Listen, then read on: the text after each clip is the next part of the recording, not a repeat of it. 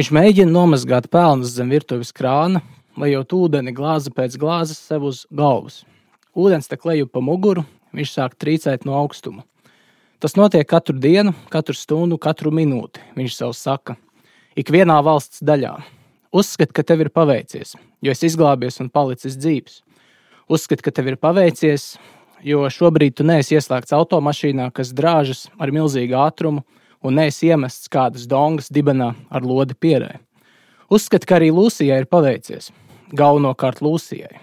Ja tev kaut kas pieder, tu uzņemies lielu risku, vienalga, kas tas būtu automašīna, kurpju pāris, cigarešu paciņa. Mantu nav pietiekami daudz, lai pietiktu visiem. Nav pietiekami daudz automašīnu, apavu, cigarešu.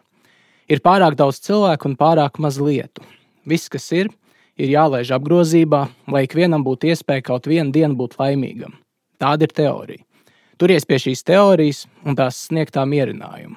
Te nav runa par cilvēku ļaunumu, tikai par milzīgu asinsrites sistēmu, kuras darbībā žēlumam un šausmām nav nekādas nozīmes. Tā ir jāskatās uz dzīvi šajā valstī, šādā schematiskā aspektā. Pretējā gadījumā tu vari sajukt prātā automašīnas, apavi un arī sievietes. Šajā sistēmā ir jābūt kādai nišai sievietēm un tam, kas ar viņām tiek darīts. Lūsija ir piegājusi viņam no muguras. Tagad viņa ir pārģērbusies biksēs un lietus metālī. Viņas mati ir atglauzta atpakaļ, seja ir tīra un pilnīgi tukša. Viņš skatās viņai acīs. Mana dārgā, mana visdārgākā, viņš saka un pēkšņi aizrīs ar asarām. Viņa nepakustina ne pirkstu, lai viņu mierinātu. Tava galva izskatās briesmīgi, viņa atzīmē. Vanas istabas skapītī ir bērnu eļļa. Uzsmērē mazliet. Vai tā mašīna arī ir nolaupīta? Jā, es domāju, ka viņa aizbrauc Elizabetes ostas virzienā. Man jāzvan policijai. Tu nevari. Telefons ir sadragāts. Viņa attālinās. Viņš sēž uz gultas un gaida. Lai gan viņš ir ietinies sagā, viņš joprojām trīc. Viena no viņa plaukstas locītavām ir pietūkusi un sāpīgi pulsē. Viņš nevar atcerēties, kā to savainoja. Jau krēslo. Šķiet, ka visa pēcpusdiena ir paskrējusi vienā acu mirklī. Lūsija atgriežas. Viņi ir pārdūruši kombim riepas. Viņa saka, es eju pie Ettingera, būšu drīz atpakaļ. Viņa mirkli klusē. David, kad cilvēki jautās, vai tu varētu stāstīt tikai savu stāstu, to, kas notika ar tevi, viņš nesaprot. Tu stāsti, kas notika ar tevi, es stāstīšu, kas notika ar mani. Viņa atkārto. Tu pielaidi smagu kļūdu. Viņš saka, balsī, kas strauji pārvēršas par ķērcienu. Nē, nepielaiž, viņa atbild. Mans bērns, mans dārgais bērns, viņš iesaucas, izstiepjot pret viņu rokas. Kad viņa nenāk, viņš noliek malā segu, pieceļas un saņem viņu rokās. Šajā apskāvienā viņa ir stīva kā stāps.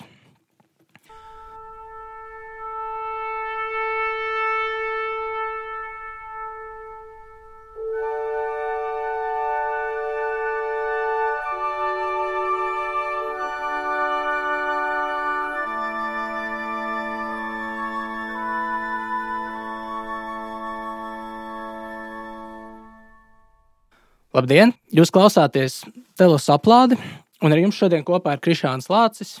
Agnēs Irbe, Juris Rudevskis. Jūs tikko dzirdējāt fragment no Austrālijā dzīvojošā Dienvidāfrikāņu rakstnieka Džona Maksvela Kudzē romāna Negods, angļuiski Disgrace, kas nāca klajā 1993. gadā, un 2003. gadā tika latviešu izdots arī grāmatas tulkojums. Bet 2008. gadā uzņemta ekranizācija ar, nu, manuprāt, pārliecinošu Džonu Malkoviču galvenajā lomā. Šī grāmata, arī, par kuru mēs šodien runāsim, un kuras fragment jūs šodien dzirdējāt, arī saņēmusi Nobela prēmiju literatūrā 2003. gadā. Kudzē ir arī daudz slavenu romānu autors, iespējams, viens no mūsdienu pazīstamākajiem angļuiski raksturošajiem novelistiem. Arī kritiķi augsti vērtēts, saņēmis Bukera balvu, vēl cits apbalvojums. Nobela balvu literatūrā viņš saņēma kā ceturtais autors no Āfrikas tobrīd un uh, otrais autors no Dienvidāfrikas Republikas. Latviešu tulkojumos mēs zinām, piemēram, darbu lēnīgais, slowman, Jēzus bērnību. Angliski varbūt ir dzirdēta Elizabete Costello, gaidot Barbarus, un arī viņa vairākas autobiogrāfiskās novelas. Zīmīgi, ka šī darba negoda sakarā autors bija spiests pamest dzimto Dienvidāfriku un pārcelties uz Austrāliju, jo viņu apsūdzēja stereotipu izplatīšanā pret melnajiem šajā postaparteīda uh, Dienvidāfrikas Republikā, par kuru ir lielā mērā arī grāmatas stāsts.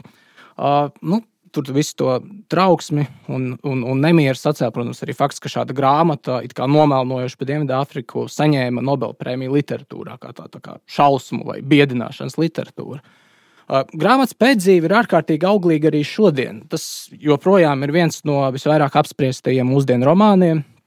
Uh, par to debatē gan koloniālismu, postkoloniālismu kontekstā, gan izvarošanas traumu kontekstā, gan mītū kustības kontekstā, kas šķiet šobrīd jau sāk noplakt. Uh, un kaut kādā ziņā šī mītū kustība arī reaktualizēja grāmatu. Ļoti daudz tēmas, jo nu, galvenais varonis ir uh, akadēmiķis, universitātes profesors ar uh, ja tā var teikt, nepiedienīgām tieksmēm. Un par grāmatas saturu mums varētu pastāstīt, par sižetu varētu pastāstīt Agnēs. Jā, tad mēs dosim vārdu Jurim. Es mēģināšu ļoti ātri uh, saspiest negodu uh, pāris rindkopās. Tā diezgan, um, nu, teiksim, jā, varētu, liet, varētu lietot vārdu šokējošu grāmatu. Es lasīju trīs reizes, vien, vienmēr nošausminos. Un saku sev, ka autors ļoti, ļoti labi spēja panākt to iekšējo sašutumu un dusmu sajūtu. Ja? Kad tu lasot to vīsti dūris un saki, nē, nē, nē, tā nevajag rīkoties, ir jādara pilnīgi citādāk. Ja? Romāns ļoti drūms. Uzmanieties no filmas, kur pieminēja Krišjānis, jo filmā uh, kurā ir ļoti daudz labi elementi. Piemēram, ļoti skaisti tiek parādīts Dienvidāfrikas ainavas, kas nozīmīgs, nu, teiksim, nozīmīgs motīvs tam, kāpēc šie baltie fermeri ir tā pie, pieķērušies šai zemē, kas ir arī viņu dzimtene un nevēlas no turienes aiziet. Uzmanieties no filmas, jo tur eh, priekšpēdējā un pēdējā aina ir apmainītas vietām. Ja? Tad, tad filmā ir tā, ka priekšpēdējā aina ir ar suņa eitanāziju tajā veterinārajā klīnikā, un tad ir pēdējā aina, kur ir vēl viena saruna galvenajam varonim ar viņu meitu. Un kur ir kaut kādas kā, izlīguma elementi, pozitīvāks skats uz nākotni, jauns sākums, kaut kas tamlīdzīgs. Grāmatā nekā tāda nav. Grāmatas eh, nobeigums ir eh, bez cerību stara. Ja? Tagad es ātri izstāstīšu to saturu. Tiem, kas nav lasījuši, piedodiet, ja mēs vienkārši nu, jā, gribam. Mums ir nepieciešams šeit zināt visu saturu, lai mēs varētu par grāmatu kritiski parunāt. Tad, tad uh, romāna galvenais varonis, tas no kura skatu punkta šis stāsts arī tiek stāstīts, ja, ir Deivids Lurijs, kuram ir 52 gadi. Grāmatas pirmais teikums ir šāds: Savam vecumam, tas ir 52 gadiem, viņš pēc paša domām seksa problēmu ir atrisinājis diezgan labi. Tātad tā iesākas stāsts par šo cilvēku, kurš ir divreiz šķīries, eh, pasniedzējis Keiptaunas eh, universitātē. Viņš pasniedz Keiptaunas eh, tehnoloģiju universitātē, bet vispār viņa profesija ir literatūras pētnieks. Viņš sarakstīs vairākas grāmatas, viņš pastiprināti interesējas par Lordu Baironu, Lordu Baironu dzēju, dzīvi ja, un strādā pie operas un operas sižeta ja, par šiem jautājumiem, kas viņu ļoti saista. Uh, viņam ir, uh, mēs jau sākumā uzzinām, kaut kur citur Dienvidāfrikā viena pieauguša meita, Lucija, ja, kas vairāk, vēlāk arī romānā parādās. Uh, viņš kā vīrietis ar savām, kā viņš pats saka, seksuālajām vajadzībām, nu, tad, dzīvo dzīvi, ko mēs noteikti aprakstītu, par, aprakstītu kā bezatbildīgu un pat izlaidīgu. Ja? Tad, tad viņam ir romāna sākumā attiecības ar, ar kādu sievieti no eskorta servisa. Tad viņš grib ar viņu vairāk satuvināties, lai nemaksātu viņai, ja, bet izveidot tuvākas attiecības. Šī sieviete viņam atsaka, un viņš paliek tā kā, paliek tā kā bez iknedēļas šīs seksuālām tikšanām, kas viņam ir nozīmīgas. un viņš tad, tad spēr tādu patiešām pārdrošu soli, jo visā tajā kontekstā viņš strauji un pēkšņi izrāda uzmanību vienai no savām studentēm, 20 gadus vecai Melānijai. Un šī meitene, nu, neteiksim tā, ka pretojas šiem seksuāliem uzmanības apliecinājumiem, bet nu, tomēr drīzāk ir noraidoša. Ja? Viņš izmanto šo savu vecumu, varu, prasmi, spēju, arī alkoholu. Ja? Un tātad šo meiteni pavada. Viņiem ir attiecības vairākas reizes, vienu brīdi viņi tur paliek pie viņa dzīvoklī, bet tā meitene ir aizvien vairāk noraidoša. Viņa sāk neapmeklēt literatūras stundas. Uh, Tad Deivids Lūrijs, kā viņas skolotājs, mēģina izdarīt uz šo meiteni spiedienu. Tev ir jānāk atpakaļ uz studijām, tev ir nu, vismaz jāizpilda, tur jāsagatavojas pārbaudas darbam. Un viņš ieraksta skolas žurnālā, ka meitene ir bijusi šajās, šajos kursos, šajās lekcijās, lai gan īstenībā viņa nav bijusi. Ja? Un tur vēl parādās tas, ka meitenei ir vecāki, ir viņai arī draugs, boyfriends, kas sāk draudzēt, draudēt šim profesoram, kurš ir 30 gadus vecāks par meiteni. Un tad tas viss beidzās ļoti slikti. Tādā nozīmē, ka universitāte uz uzzina, ka ir notikusi seksuāla uzmākšanās, ja, un kuras dēļ meitene vispār grib atstāt universitāti, tiek sasaukta komitejas sēde. Um, Davidam Lurijam tiek dota iespēja teiksim, tā, publiski nožēlot, ja, un, tad varētu, viņš varētu saglabāt savu darbu, bet viņš atsakās to darīt. Viņa attieksme ir tāda ciniska, vienaldzīga, un uh, viņš redz to kā savu privātās dzīves sfēru, un nevēlas nevienam, nevēlas noteikti iet kaut kādos pāraudzināšanas kursos un tā tālāk. Un tātad viņš savu darbu universitātē zaudē ar skandālu, kas, par kuru tiek rakstīts arī Keiptaunas uh, avīzēs, ja, kur viņš tiek parādīts kā šis baltais varmāk, meiteņu pavedējs, ja, izmantotājs. Un un tur arī ir viņa negods. Un tur arī ir, kā, jā, tur ir tas viņa negods. Viņš ar negodu pamet savu to pilsētu, atstājot tur savu dzīvokli. Un viņš aizbrauc pie savas meitas, Lūsijas, kur dzīvo tobrīd viena nelielā fermā, kur viņa ir iegādājusies pirms sešiem gadiem. Viņa audzē puķus, dažādus dārzeņus, viņai ir arī suņi, Un daļa no šīs fermas, tā tur ir tā, tā ferma sadalīta gandrīz divās daļās, pieder tādam viņas apakšniekam, varētu teikt, melnādainam Petru, cilvēkam ar vārdu Petrus vai Petrs, kuram ir divas sievas, divas ģimenes. Ja, tad tur ir tajā, tad tiek ieskicēts tas, ka tajā postapartēda laikā šis Petrus, melnādainos, viņš saņem no valsts arī atbalstu, jo nu, tiek veicināts process, ka melnādainie cilvēki iegūst zemi. Ja? Un šīs divas fermas ir blakus, un Petrus par, par algu Lūsijai kaut ko strādā, ja, bet uh, ir, ir jūtams, ka tā Petrus ietekme un arī interese par to Lūsijas zemi ja, ir aizvien lielāka. Un tātad uh, Deivids Lurītas tēvs apmetās pie savas meitas, lai nedaudz palīdzētu viņai darbos, un, un, uh, un viņi piedzīvo abi divi kopā tādu ārkārtīgi traģisku incidentu. Proti, viņi ir abi aizgājuši pastaigāties, viņiem nav līdzi ieroči, viņiem līdzi ir tikai divi suņi, Mēs visur izjūtam šajā lauku ainas aprakstā tos draudošos, nu, es nezinu, kas tas ir, rasu naids vai kaut kas tam līdzīgs. Gan arī viss cilvēks staigā ar ieročiem, mājas visas ir ar režģiem pie logiem. Visiem ir suņi, kas ir trenēti, ja, tā, kad aizsargā tos baltos cilvēkus no, no, no uzbrukumiem. Un, uh, atgriežoties mājās, Tātad Deivids Lurija ar savu meitu Luciju redz, ka mājas sētā stāv trīs melnādainie kas saka, ka viņiem jāiet mājās, jo viņiem vajag piezvanīt. Viņi no sākuma ir nu, neusticības pilni, ja, bet viņi tā, tā lūsīja savā pretīm nākšanā, tā kā saka, labi, ieiet iekšā, piezvanīt.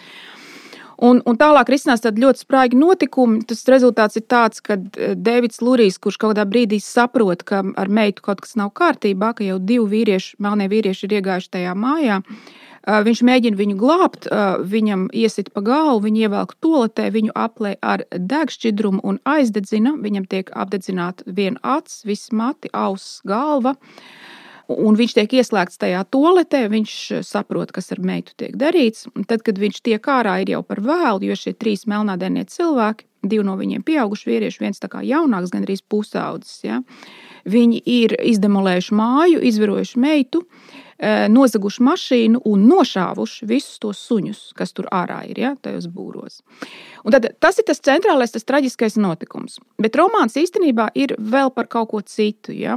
Romāns ir par to, kas notiek pēc tam. Tātad Deivids Lurija, kurš ne, ne pavisam nav šis uh, nu, teiksim, tā, varonis, ja, jeb kādā šī vārda pozitīvā izteiksmē. Viņš visu atlikušo romānu gaitu, gaitu mēģina pierunāt savu meitu, ziņot policijai tieši par izvarošanu un meklēt šos izvarotājus, ja, ko viņi atsakās darīt. Ja, viņi ziņo tikai par aplaupīšanu. Viņš mēģina panākt, lai šī lieta tiek izmeklēta. Viņam ļoti ātri ir aizdomas, ka Petrus, šis melnādainais kaimiņš, ir kaut kādā veidā iesaistīts šajā traģiskajā izvarošanas un aplaupīšanas stāstā, un aizvien vairāk ir sajūta, ka tieši tā arī ir. Mēs vēlāk uzzinām, ka viens no izvarotājiem, tas ja, pats jaunākais cilvēks, vīrietis, ir radinieks Petrusam. Mēs redzam, ka Petrus viņu pie, piesedz. Tad, tad mēs redzam, ka no šo no melnādaino kaimiņu ģimenes puses nav nekāda pretīmnākšana tajā, ka šeit vajadzētu izmeklēt, sodīt kādam jāsēž cietumā un tā tālāk. Mēs redzam arī, ka tie citi balti, kas tur dzīvo, ja, uzskata, ka šī ir tāda lieta, nu, nepatīkama lieta, bet tagad viņi ir beigusies un dzīve turpinās. Ja. Tātad tas taisnīguma tā, tā rāmja neeksistēšana ja, ir tas, kas Deividu Luriju aizvien vairāk tajā nokaitina. Bet visvairāk, viņš nu, nesaprot, kāpēc viņa meita necīnās pretī, un vienlaikus meita atsakās arī pieņemt no viņa finansiālu nu, palīdzību, lai pārceltos uz citu vietu, vai pat arī viņš piedāvā viņai pārcelties atpakaļ uz Nīderlandi, jo viņi ir afrikāņi.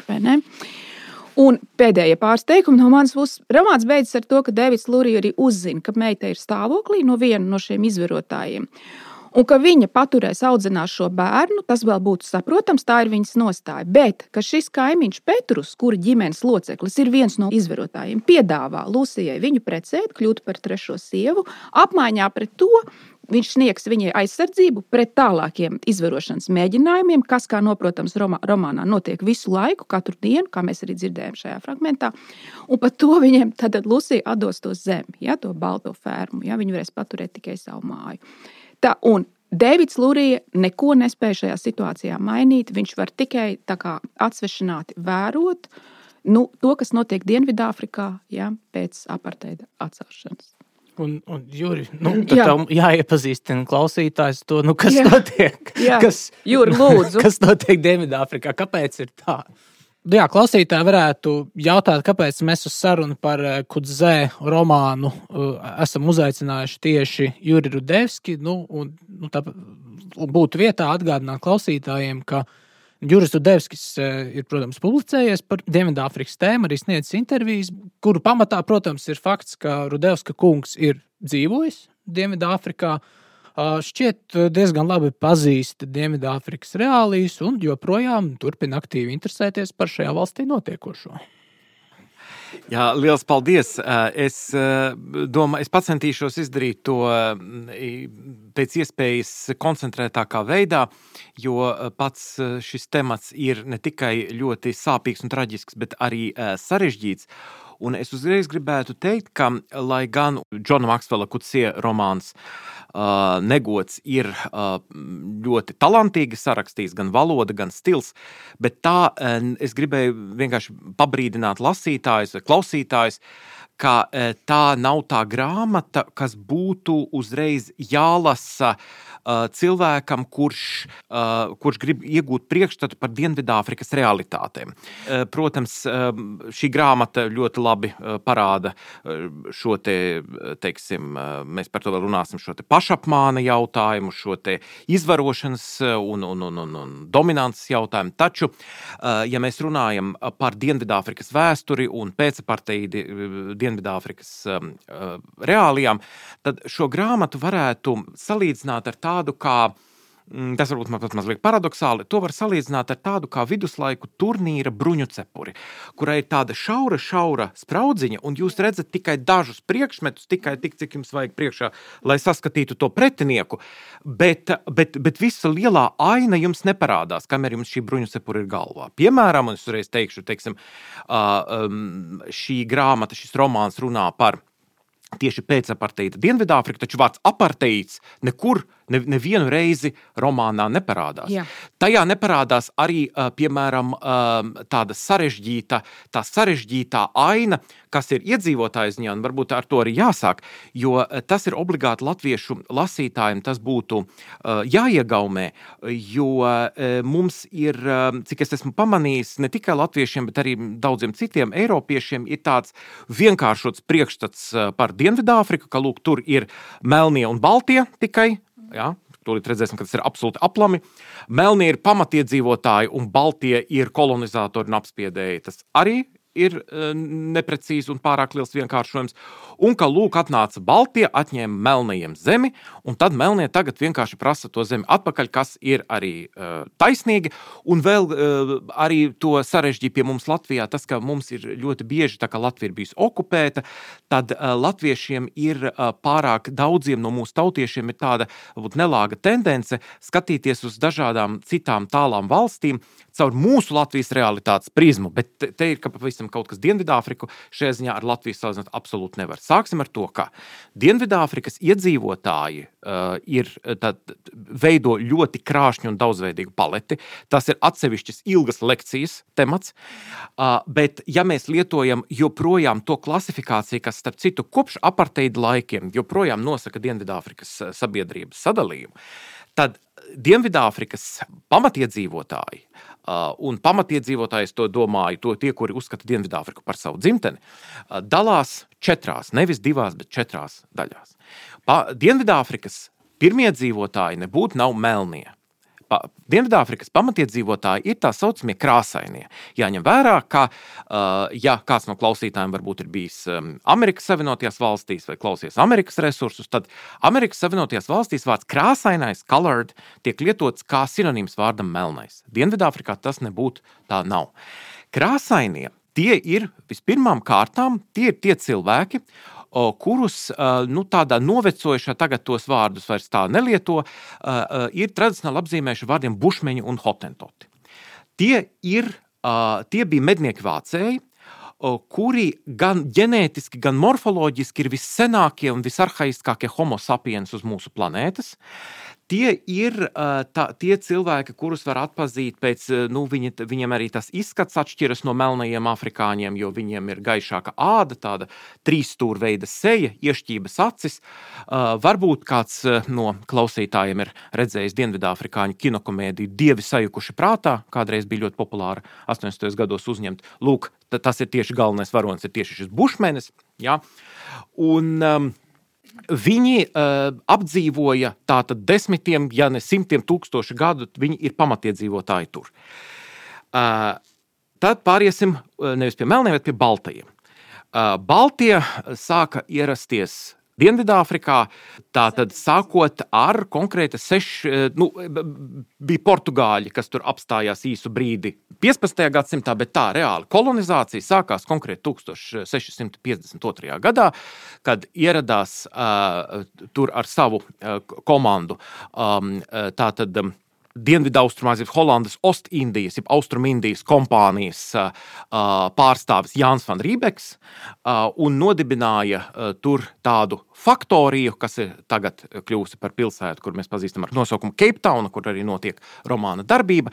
Un sākotnēji šī vieta bija domāta vienkārši holandiešus. Šī vieta īpaši neinteresē, viņus interesēja Indonēzija, to, mēs, to, tā, tā teritorija, kur mēs šodien saucam par Indonēziju. Un sākumā šī zeme tapa kā apgādes vai, nu, teiksim, mūsdienīgi sakot, uzpildes punkts tiem kuģiem, jo toreiz, kad Suecas kanāla vēl nebija, vajadzēja eh, ilgi un dikti ilgus mēnešus peldēt apkārt eh, kuģot apkārt Āfrikai, un tur varēja tātad eh, uzņemt barību, ēdienu, vīnu un tā tālāk un doties tālāk.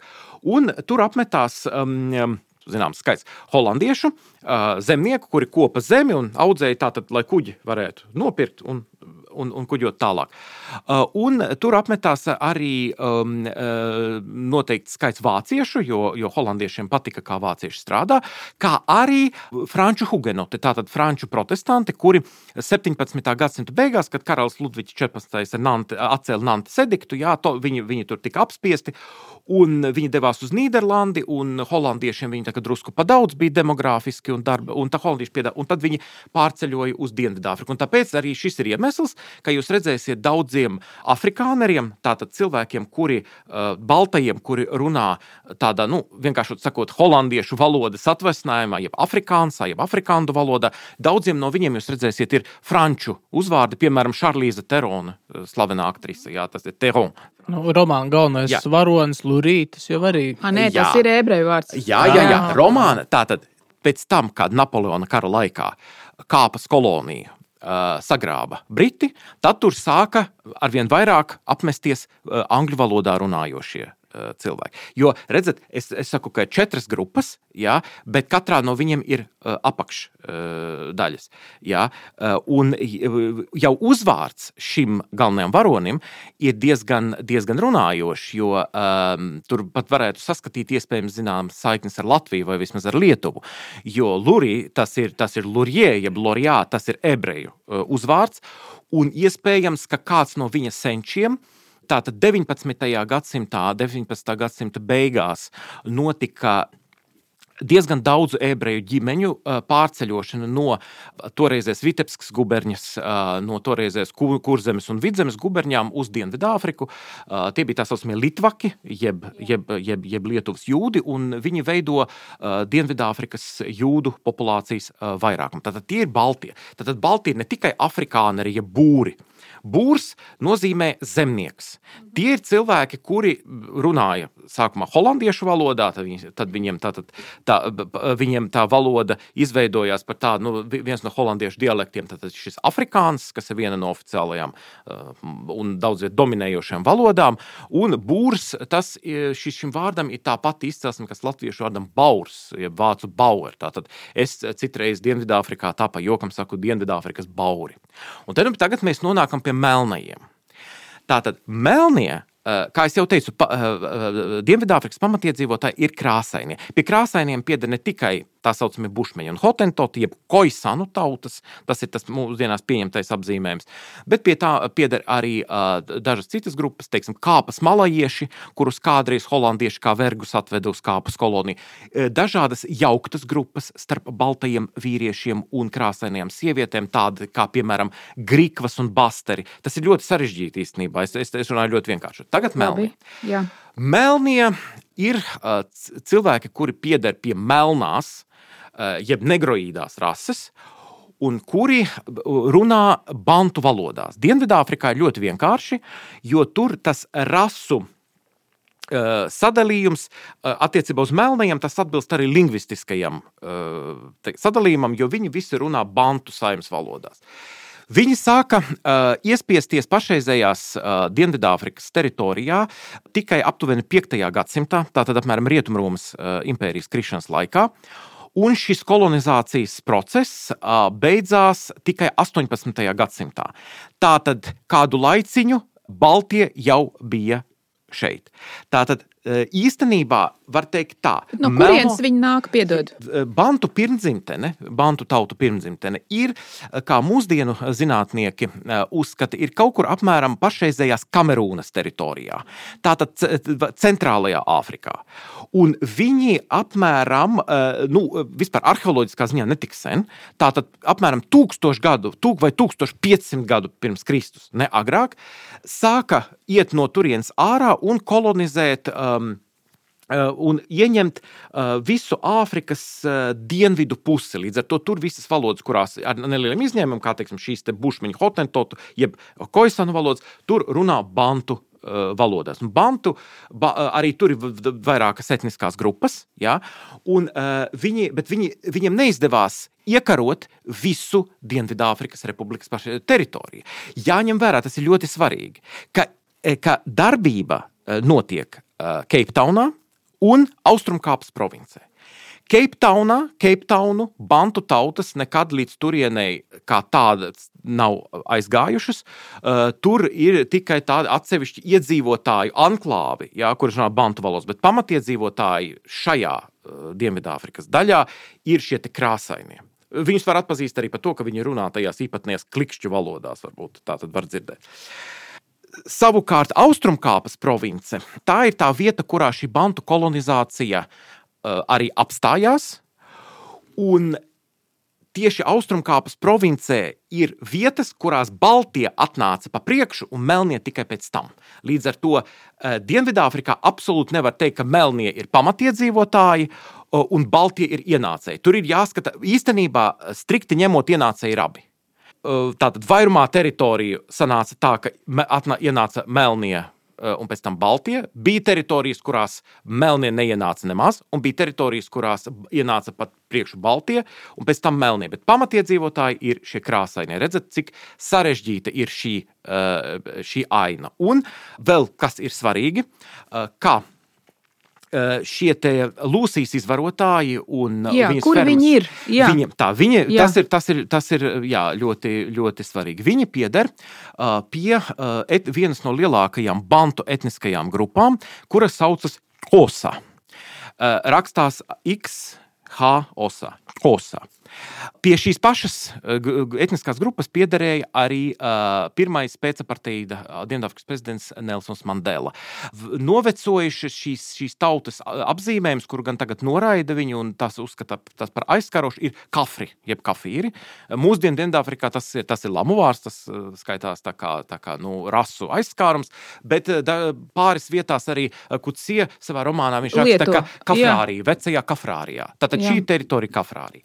Un viņi ļoti interesanti, jo jūs, teiksim, paskatīsieties uz, paskatīsieties uz uh, Nelsona Mandelas uh, fotografiju, jūs redzēsiet, ka viņam ir šīs tradīcijas, tā, tāda, viņš vairāk ir līdzīgs tieši bušmenim um, nekā melnādainajam, jo viņam ir tā trīs stūrveida seja bija. Tāda aborigēniska. Jā, tā aborigēniska. Tādiem... Viņš nav tik tumšs, vai jā, ne? Tieši tā, viņam ir gaišā kāda. Viņam ir gaišā kāda. Kāpēc? Tāpēc, ka šie te kosā ir sajaukums, viņi lielā mērā ir bantu, atnākšu bantu un uh, koisanu pamatiedzīvotāju sajaukums. Nu, un ceturtā grupa Ceturtā grupa, eh, kura šeit nu, pilnīgi nefigurē, kura varbūt arī šajā gadījumā nav svarīga, bet tā ir jāpiemina, tie ir indieši. Tie ļoti lielā, ap, lielos daudzumos iebrauca uh, Britu koloniālajā uh, periodā, un viņi dzīvo lielākoties um, Dienvidāfrikas austrumu daļā, Natālas provincē. Ja? Un, zināt, uh, aparteida laikā bija tāds, bija, bija tāds, nu, bija tāds stereotips uh, Dienvidāfrikas sabiedrībā, ka, ka indieši, ka, te, ka, ka viņi ir, pieņemsim, kad jūs saucat tā, kādu santehniķu vai televīzijas meistaru, jā, tas ar lielu varbūtību būs kā poļu santehniķis, tad būs indiešu santehniķis. Lūk, četri. Jā. Un tagad varbūt par apartīdu. Jā, pagaidiet, vēl, vēl viens pre... jā. ātri, jā. Man liekas, ka parādās arī šī jūsu pēdējā minētā grupa, indieši, jūs sakāt, ja, jo mēs uzzinām par to eskortu pašā romāna sākumā to meiteni, ka viņa ir musulmaniete. Tad viņa, tad Kur tur parādās vēl musulmaņi? E, musulmaņi Nē. ir tā tad uh, Dienvidāfrikā ir šo te krāsaino uh, grupā. Uh, tur pieder ne tikai koisanu pamatiedzīvotāji, bet arī dažas citas uh, iedzīvotāju grupas. Un starp tiem ir tāda diezgan interesanta un eksotiska, lai gan neliela grupa, kas saucas uh, Afrikānsa kāpsemalajers, jeb kāpas malajieši. Uh, viņi dzīvo uh, Keiptaunā, viņiem ir pat vesels, uh, reģi, vesels rajons, kas saucas Bokāp. Tas ļoti skaistām, daudzkrāsainām mājām. Un, lūk, viņi runā, viņu dzimtā valoda ir afrikāns, jeb afrikāņu valoda, jā, jo viņu malajiešu valodu jau ir nu, atmetuši paudžu paudzes, bet viņu reliģija ir islāms. Mm -hmm. Un ir mhm. ļoti interesanti, ka viņi 19. gadsimta sākumā ir viņu reliģiskie teksti, kas ir uzrakstīti afrikāņu valodā, bet arābu burtiem. Tātad eh, ar, ar vislielāko varbūtību šī soraja, tā saucamā eh, šī meitene no eskorta servisa, eh, ir kā, no kāpas malajiešu, tātad krāsaino grupas. Jā, vēl viena, piedod, vēl viena ļoti ātras precizējums. Vai jūs sapratāt no romāna, jo es to, piemēram, nesapratu, pie kuras grupas pieder studente Melānija, jo viņa nav baltā? Studenta Melānija, manuprāt, pilnīgi skaidri ir baltā. Viņa dzīvo Džordžas pilsētā, kas, kas ir, kas ir um, uz austrumiem no Keiptaunas. Uh, man, lasot šo romānu, uh, absolūti nebija ne, ne mazāko šaubu, ka viņa, ka viņa ir baltā. Jā. jā, bet tur ir kaut kas par spogainiem matiem un ļoti melnām acīm. Tas, jā. Jo ir vai ļoti interesanti. Vai viņas draugs arī gadījumā nav krāsainais. Jā, bet portugāļu bija daudz arī. À, tur, vēl, labi. tur vēl tas jā, moments. Arī vēl tāds moments. Arī vēl tāds moments. Saprotiet, Dienvidāfrikas. Tur ir tā kā pie Bābeles torņa. Tieši jā. tā, tas ir Bābeles tornis. Varbūt es varu paskaidrot, kas ir aparteīds un kas jā, labi, labi, un, un, un, un tieši es, es ir to jautājumu ierāmē tā, ka Jā, jūs pastāstījat par uh, apartīdu, bet uh, nu, šajā grāmatā tā situācija tiešām tāda, ka Viņa ir izdota 99. 99. gadā, 99. Jā. gadā vai ne? Un apartīda atceļ kad? 90. E, formāli 94. Jā, gadā, 94. aprīlī, kad notiek pirmās, pirmās vis, daudz rasu, tātad, nu, vairs nediskriminējot pēc rases vispārējās vēlēšanas, uzvar Āfrikas Nacionālās kongress un par valsts prezidentu kļūst Nelsons Mandela. Un lūk, piecos gados, cik ļoti ir mainījusies tā situācija, jo tas ir ļoti protams, šodien tā situācija vēl radikālāk mainījusies, vai ne? Daudz, daudz sliktāk. Um, situācija ir. Uh, Teiksim tā, dažos aspektos sliktāk, dažos aspektos labāk un cerīgāk. Mm -hmm. Varbūt es varu paskaidrot, Jā, kas, jo pie mums, jo citreiz ir tā, ka Latvija ir nelabvēlīgi politiķi, kas vairāk orientēti uz zemēm, ne jau uz veco kafrāriju vai zululendu, bet uz, uz, uz zemi ārā otru pus zilupes. Jā. Viņi, viņi mūs apsūdz Latviju apartīdā, ka Latvijā, lūk, esot apartīds, jo, lūk, Latvijas krievalodīgos gribot asimilēt. Nu, piedodiet, idiotiskāku apgalvojumu neesmu dzirdējis, jo pirmkārt apartīds un asimilācija asimilācija ir diametrāli pretēji un absolūti pretpoli. Un otrkārt, eh, aparteids ir fenomens, teiksim, sociāli politisks fenomens, kurš ir tik specifiski dienvidāfrikānisks, ka salīdzināt ar to kaut kādu citu eh, zemju eh, politiku nav īpaši prātīgi. Tātad, ko nozīmē šis vārds aparteids? Ap, vārds aparteids mēs to izrunājam, atcīmredzot, caur krievu valodu. Krievi to pārņēma no frančiem. Eh, oriģinālā afrikāneru valodā tas vārds izrunājas apartheid. Un, ko tas nozīmē? Apart, apart, tas nāk no franču apār, atdalīta. Yeah. Un heit tas ir tas pats, kas vācu hait, kā vārdā vergangenheit, tātad tā ir izskaņa ība vai šana.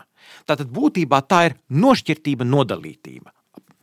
Šis, um, šis uh, termins um, pirmo reizi parādījās uh, presē, uh, publikācijās 1929. gadā, tādā vairāk universitāšu kontekstā, eh, bet kā politika, eh, kā apzināta politiska stratēģija, aparteids eh, tika iedzīvināts sākot ar 1948. gadu, kad notika ļoti svarīgas parlamenta vēlēšanas Dienvidāfrikas Savienībā, toreizējā, kas bija faktiski neatkarīga Britu domīnija. Toreiz tur karalis, karaliene bija valsts galva, viņa pēc tam 60. gados kļuva par pilnīgi neatkarīgu republiku republiku, bet toreiz viņi bija kā Kanāda vai Austrālija, vienkārši sakot. Un, zināt, šogad portālā Telos ir nopublicēts tulkojums no eh, tāda slavena eh, politiķa, eh, toreiz Angļu būru kara ģenerāļa Smetsa vēstules. Lūk, šis te jau toreiz vecais ģenerālis Smets, viņš bija premjerministrs un viņa unionistu partija zaudēja un nāca pie vāras afrikāneru nacionālistu partija, kur saucas vienkārši nacionālistu partija, nacionālā partija. Un par premjerministru kļuva Daniels Malāns, kurš arī sāka uzreiz, kura vadībā šī, šī partija noturējās pie varas visu aparteida laiku, tātad gandrīz pusgadsimtu.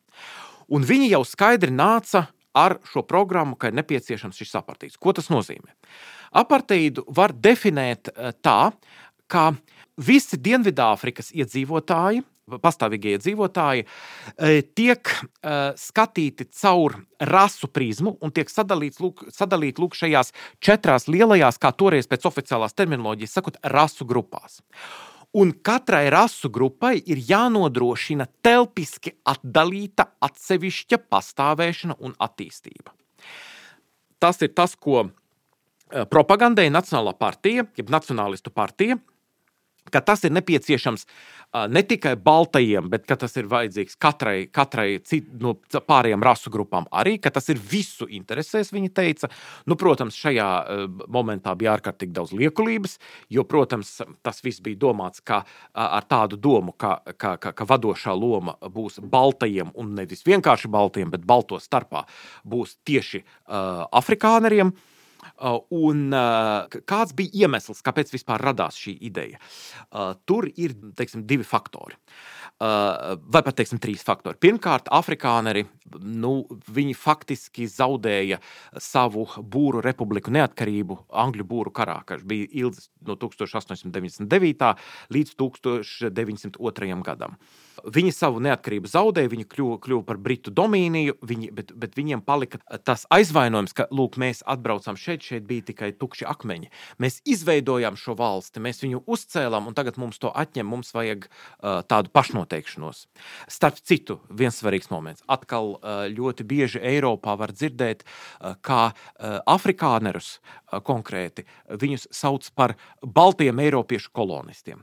Tās, protams, ir muļķības, jo afrikāneri laika gaitā ir izveidojušies pilnīgi skaidri par atsevišķu nāciju.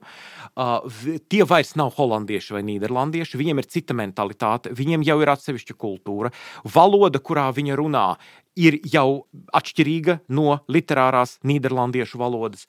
Un viņi neuzskata paši sevi par eiropiešiem. Viņi uzskata sevi par afrikāņiem. Turklāt ir ļoti interesanti, ka viņi, viņiem Eiropas lietas tas ir, ir tikpat svešas kā, piemēram, kā piemēram mums. Bantu Latvijā. lietas. Bantu Jā. lietas. Jā. 1895. gadā slavenais uh, amerikāņu rakstnieks Marks Tvens apmeklēja citas starpā Dienvidāfriku, un viņš arī aprakstīja to, ka, lūk, ka viņš ar šiem būriem, jeb afrikāneriem bija runājis, un cik ļoti viņus neinteresēja tas, kas notiek Eiropā, tur Eiropas Jā. lielo kungu darīšanas, mums sava zeme jār mums, un jāecē. Tā nav mūsu darīšana.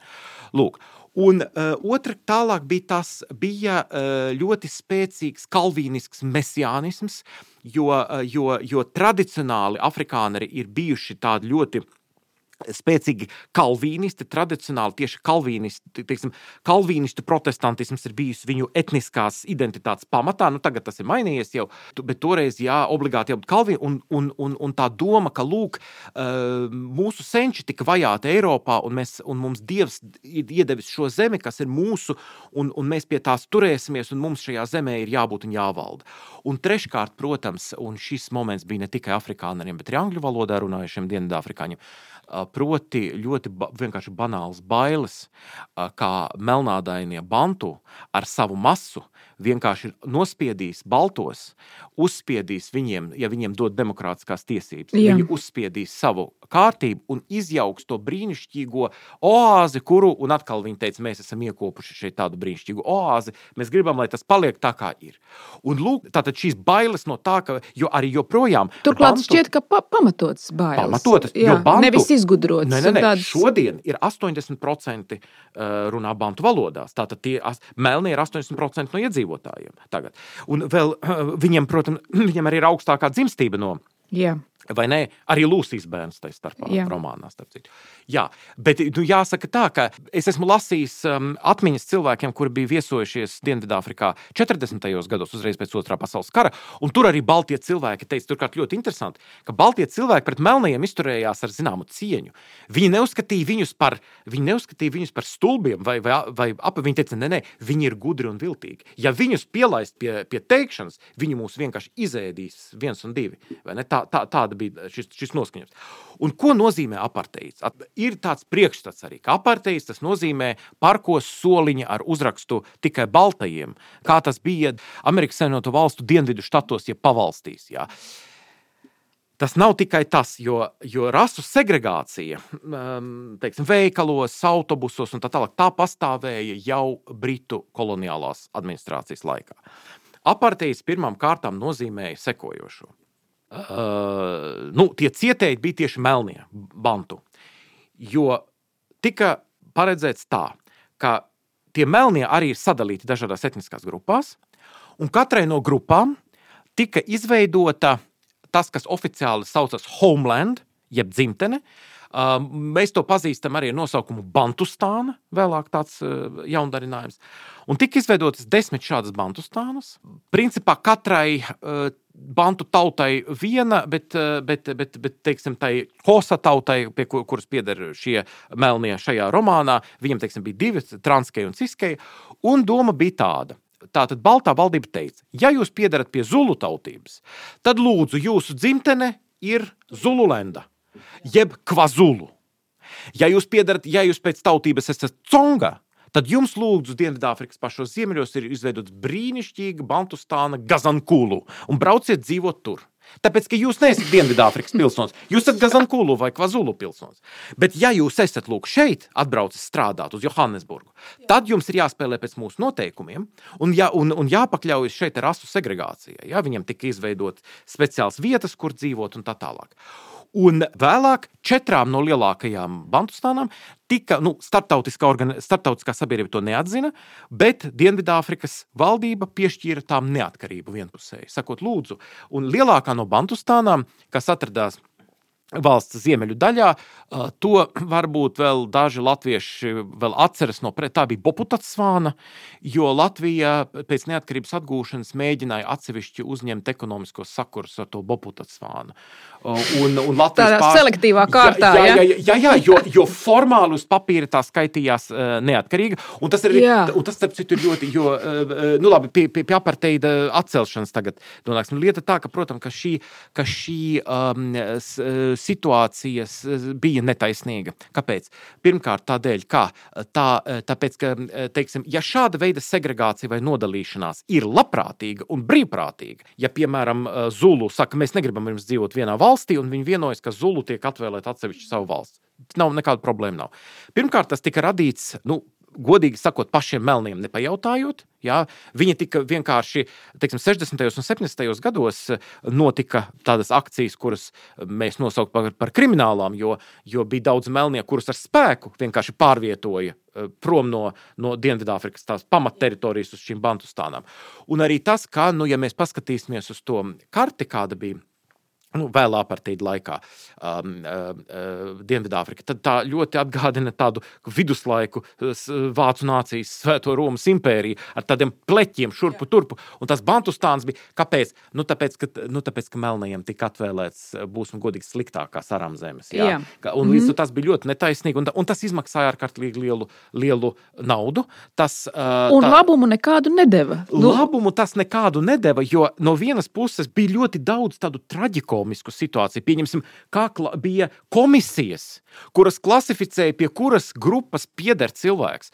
Un varēja būt tā, ka teiksim, viens brālis eh, tika pieskaitīts pie, pie krāsainiem, otrs pie baltiem. Tad vajadzēja birokrātiski nest un, un, un, un to labot. Ja? Pēc tam bija, tāds, bija tā, ka, ka, ka citreiz patvaļīgi cilvēkam noteikti, piemēram, ka, noteikti, ka viņš ir zulu.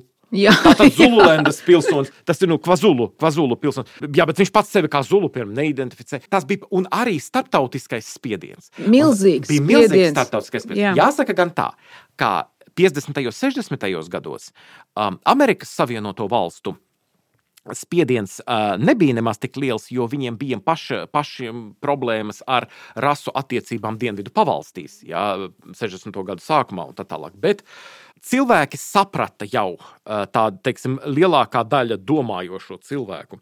Dienvidāfrikā saprata, ka, tas, ka tā partija sistēma ir uh, samāksloti, uzspiesta un ka tā nevar ilgtermiņā pastāvēt, tā būs jāmaina. Piemēram, slavenais uh, ķirurgs, sirds ķirurgs Kristians Bārnārds, kurš bija pirmais pasaulē, kā zināms, kurš pārstādīja dzīvam cilvēkam sirdi. Viņa viedoklis arī viņš bija pret tā partiju. Viņš uzskatīja vienkārši, ka valsts ir jāsadala un lai baltajiem un krāsainajiem, kuri vēsturiski, nu, viņi uh, bija tuvāk, arī, arī saprecējušies, bija jā. vēsturiski un tā tālāk. Viena daļa, un tad melnajiem atstāt otru daļu. Tātad, kā, kā teiktu Čehi un Slovāki, vēlāk civilizēta šķiršanās sarunās. Ja? Mm -hmm. uh, bet uh, bija tā, ka uh, nu, nevar teikt, ka apartīda laikā nebija nekāda dialoga ar tā pretiniekiem. Protams, pretiniekus, pretinieki tie bija, uh, galvenā organizācija bija Āfrikas Nacionālais kongress, kas ir partija, kas, kreisā partija, kas tagad joprojām ir pie varas. Uh, šo partiju un it īpaši tās kaujinieku spārnu, uh, kas saucās Umkonto Vesīzve, atbalstīja Uh, Padomu Savienība. Angolā bija izveidotas apmācības nometnes, jā, kuras apmācīja šos kaujiniekus. Bet dialogs bija piemēram 63. un 64. gadā grupa prominentu Afrikas Nacionālā kongresa vadītāju ar eh, topošo prezidentu Nelsonu Mandelu priekšgalā tika notiesāti par terora aktiem. Tas bija tas saucamais Rivonijas tiesa, pazīstama vēsture Rivonijas tiesa. Un, eh, un Nelsons Mandela bija apcietinājumā, eh, bet ar viņu centās tomēr uzturēt dialogu. Piemēram, sāksim ar to, ka Dienvidāfrikas valdība tādus sarunas ar Āfrikas Nacionālo kongresu uzņēma jau sākot ar 1900. 1978. gadu, kas bija vēl tomēr aparteīda tāds, tāds nu, spēcīga aparteīda laiks. 80. gadu sākumā premjerministrs bija Pīters Bota, un viņš jau 80. gadu sākumā piedāvāja palaist brīvībā Nelsonu Mandelu ar tādu nosacījumu, ka Mandela publiski atteiksies no vardarbības kā rīcības metodas. Jā, Mandela atteicās un palika uh, apcietinājumā. Bet Pīters Bota, Pīters Viljams Bota, uh, bija ļoti tāds um, sākotnēji daudz sološs premjerministrs, jo, jo viņš bija ļoti Viņš bija atvērts nu, dažādām reformām, nu, mērenā ziņā, tomēr, un viņa laikā, 1983. gadā, tika pieņemta jauna Dienvidāfrikas konstitūcija, kura mīkstināja šo aparteida režīmu tādā veidā, ka nu, Bantustānu sistēma palika uz vietas, bet uh, tika, izve, tika izveidota pirmo reizi parlamentārā tiešā pārstāvība, speciāls parlamentārās palātas ne tikai baltiem, bet arī krāsainiem un indiešiem. Un viņš, tātad Bota, viņš bija, tātad uz viņu skatījās pasaule ar tādu lielu cerību, un 85. gadā uh, Pīteram Botam uh, notika sirdslēkme. Un, acīm redzot, nu, mēs nezinām, to tikai Dievs zina. Viņam varbūt viņam bija kaut kāda reliģiska, kaut kāda ap, ap, ap, nu, no viņa viedokļa apskaidrība. Bet pēc tam, kad viņš atkopās, tad viņš teica, es teikšu vienu ļoti svarīgu runu, teica Bota. Gaidiet visi, un ne tikai Dienvidāfrika, visi balti, melnie, krāsainie, sēdēja pie televizoriem, pie rādio, bet arī visa pasaule. Kā varbūt Bota tūlīt pa, pa, pa, paziņos, ka kā partijas tiek atcelts. Tas bija 85. gads. Bet Bota teica, mēs esam atvērti mērenām reformām, bet aparteids šeit stāv un paliek. Un mēs esam pārgājuši Rubikonu, un te nu mēs stāvam.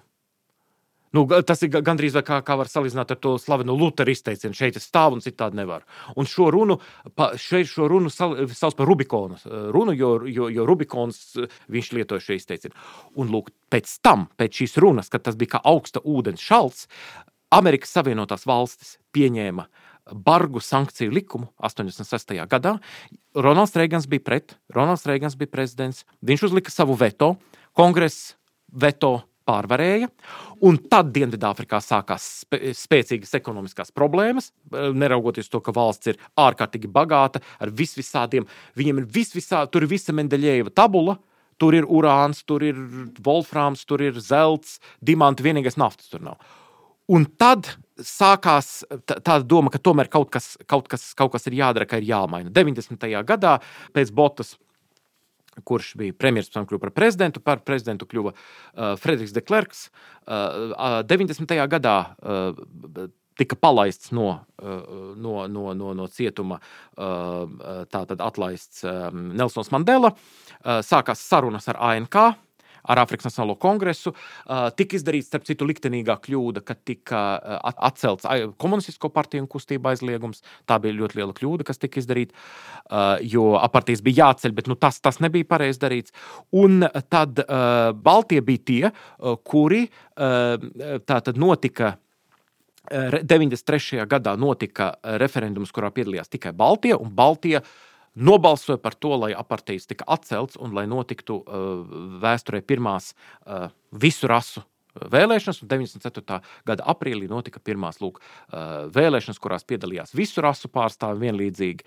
Un vēlreiz atgādināsim, ka tie bija Baltie, kuri ar savu vairākumu pārliecinoši bija nobalsojuši par to, lai tā notiek. Kādas Jā, kļūdas tika? Uh, jā. Jā.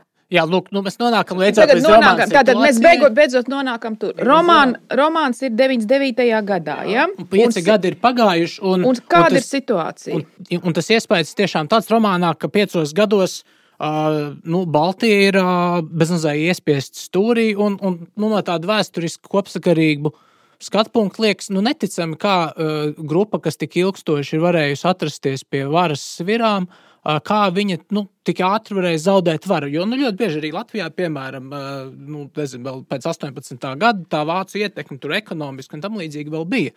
Uh, nu, tas, ka Dienvidāfrikā tas viss daudz ātrāk. Ne, ne tikai zaudēta teiksim, vara un ietekme, bet arī uh, nu, To man gribētu jums pajautāt, vai tas apraksts par 99. gadu, ja, kad šajos laukos ir faktiski pilnībā, pilnīga anarhijas un bezvaldības situācija, kur cilvēks var tikai ar ieroci pats sevi aizstāvēt, kur ir pilnīgi bezpalīdzīga policija, ja, kur ir pilnīgi bezpalīdzīga tiesu sistēma un notiek visas sabiedrības, ne tikai melno, bet arī balto kopēju morāla degradācija, jo viņi sāk pieņemt, ka grupveidā izvarot sievietes ir normāli, nu, ka to vienkārši jāsamierinās, ja mēs šai zemē dzīvojam jāsaka, ka uh, aparteida, pēc aparteida atcelšanas tātad psiholoģisko atmosfēru romāns, manuprāt, apraksta pareizi un, un, un, un ļoti adekvāti sanāk tā, es parēķināju, ka darbība notiek 97. gadā, jo pats Lūija ir dzimis 45. Uh, un, ja viņam ir 52, tad tas ir 97. gads. Tātad tie, tie, tie trīs gadi pēc formālas aparteida atcelšanas. Ja? Ja, nu, jāsaka jau, ka starp 90. un 94. gadu jau pirms tā rasu segregācija vairs netika piemērota. Tā tad ne, nebija tā, ka vienā dienā uzreiz visi uzraksti tikai baltiem vai tikai melniem pazuda. Nē. Bet, um, tika izdarīta, tika izdarīts vairākas likteņas kļūdas. Man ir tas, piedodiet par romānu kontekstā, negods piedodiet par kalambūru, pazīt vienu no konsultantiem pēc tautības Ungāru, kurš piedalījās jaunās Dienvidāfrikas Republikas konstitūcijas rakstīšanā. Viena liktenīga kļūda bija tā, ka, ka tajā eiforijā, kuru es viņam gan nevaru pārmest to, es, es saprotu, ko viņš ar to domāja. Viņš bija ļoti ob, liels optimists, Nelsons Mandela, pirmais nebaltais prezidents, jā, kur ievēlēja 94. gadā, un Mandelas doma bija tāda, ka Mandela starpstu bija kritisks arī par eh, savu pagātni. Eh, lielā mērā viņš pārskatīja savus uzskatus. Viņš bija arī opozīcijā arī daudziem cilvēkiem no nu, savas pašas partijas, eh, jau kad viņš bija prezidents. Viņš teica, ka Dienvidāfrikai ir jākļūst tādai miera un draudzības oāzei, un viņš lietoja to izteicienu varavīksnes nācija. Nu, šodien varavīksne drusku citādi varbūt nozīmē, bet, bet nu, Dienvidāfrikas kontekstā tas ir jāsaprot vairāk tādā veselīgākā nozīmē. Bet problēma ir tā, ka tik um, daudzveidīgā un šīs piespiedu sadalījumā, teiksim, ievainotā sabiedrībā, taisīt unitāru valsti bija neprāts. Dienvidāfrikai, Dienvidāfrikai nu, pēc veselās saprāta spriežot, būtu jābūt federatīvai valstī, federālai valstī, ar eh, augstu federālo eh, vienību, um, autonomijas pakāpi. Nevis tā, kā tas notika, ka tika vienkārši eh, tās bantustānas, uh, sakot, ka tā ir ap apartīda paliek, un tās vienkārši likvidē. Ne, tās tika likvidētas un atpakaļ inkorporētas Dienvidāfrikā, bet, piedodiet, bet, tātad, bet tādā veidā jau tiek inkorp, uh, likvidēta arī autonomija. Nu, reāla autonomija tajās bantustānās, lai kaut kāda tomēr bija. Ja? Tagad tā, tā, tā tiek likvidēta. Tur, principā, taisīt unitāru valsti pēc apartīda, tā bija, protams, tas bija neprāts un arī, un arī tiek maksāts par to. Eh, jā, eh, un, bet eh, jāsaka tā, ka tā situācija ar to vardarbību un ar, un ar policijas nespēku mm, ir mm, lielā mērā atkarīga no provinces kurā notiek eh, darbība. Eh, Kutsie romāna negods darbība notiek eh, vienā no šajā ziņā visnelabvēlīgākajām provincēm, Austrumkāpas provincē, kurā Austrumkāpas provincē, kuru, kuru apdzīvo blakus Baltajiem, tātad šīs te Hosa grupas pārstāvji, kuri tur ir vairāk, un tātad kuri arī, tātad tur tas netiek precizēts, bet nu, viņi skaidrs, ka, ka, ka, ka tie ir viņi, jo ik viens Dienvidāfrikas reālīs pārzinošs cilvēks sapratīs, ka, ka tā ir viņu uh, etniskā piedarība. Un uh, Baltie, principā, apartīda atcelšanas procesā uh, jau bija ļoti spēcīgas bažas no Balto puses, jo uh, tepat blakus nu, gandrīz kaimiņos atrodas tāda brīnišķīga valsts kā Zimbabve, bijusi Dienvidrodēzija. Un cilvēki lieliski redzēja, kas notika, kad nāca pie varas melnais vairākums un Baltijas fermeri tika vienkārši iztriekti ārā. Jā. Un tagad tas atkārtojas Dienvidāfrikā? Nē, Dienvidāfrikā tas, paldies Dievam, negluži atkārtojas. Ir vietas, kurās ir jā, patiešām, patiešām slikti. Jā, policijas bezdarbība romānā, starp citu, ir, uh, ir, ir aprakstīta ļoti nu, tā, pareizi un, un, un ļoti labi. Uh, bet uh, šeit jāsaka arī uh, tā, tāda lieta, kura, kura varbūt šajā romānā tā neparādās, ir tas, ka nu, ne visi fermeri ir tādi kā Lūsija. Lūsija ir bijusi hipija, kura Jā. no hipija komunā, un viņi iegādājas šo zemi un tā tālāk. Bet tur taču no baltajiem fermeriem absolūtais vairākums tomēr ir afrikāneri, mm -hmm. kuriem šīs zemes pieder jau pauģu paudzēs Ja, ar nelieliem izņēmumiem tās zemes nav tikušas atņemtas melnajiem, bet vienkārši Baltija ienāca un iekopa uh, sausas un nevienam nepiederošas zemes. Mums Latvijā arī uh, teiksim, Latvijas, kurš lasīs šo romānu vai kādu citu tekstu par Dienvidāfriku, Latvijam var būt grūti saprast, jo mēs esam maza valsts maza zeme. Un, un ļoti kompakta. Mums ir ārām zemes, meža zemes, un viss kādam pieder. Mums ir grūti iedomāties, ka tik milzīga teritorija, jo Dienvidāfrikas Republika tas ir apmēram 19 Latvijas pēc teritorijas, jā. Jā, un 61 miljonus iedzīvotāju.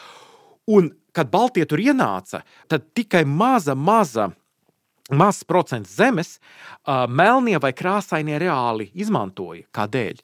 Tādēļ, ka uh, viņi, uh, atšķirībā no baltajiem, viņi neprata rakt artēziskās sakas. Un bez tam sausa zeme ir vienkārši nederīga uh, nekam.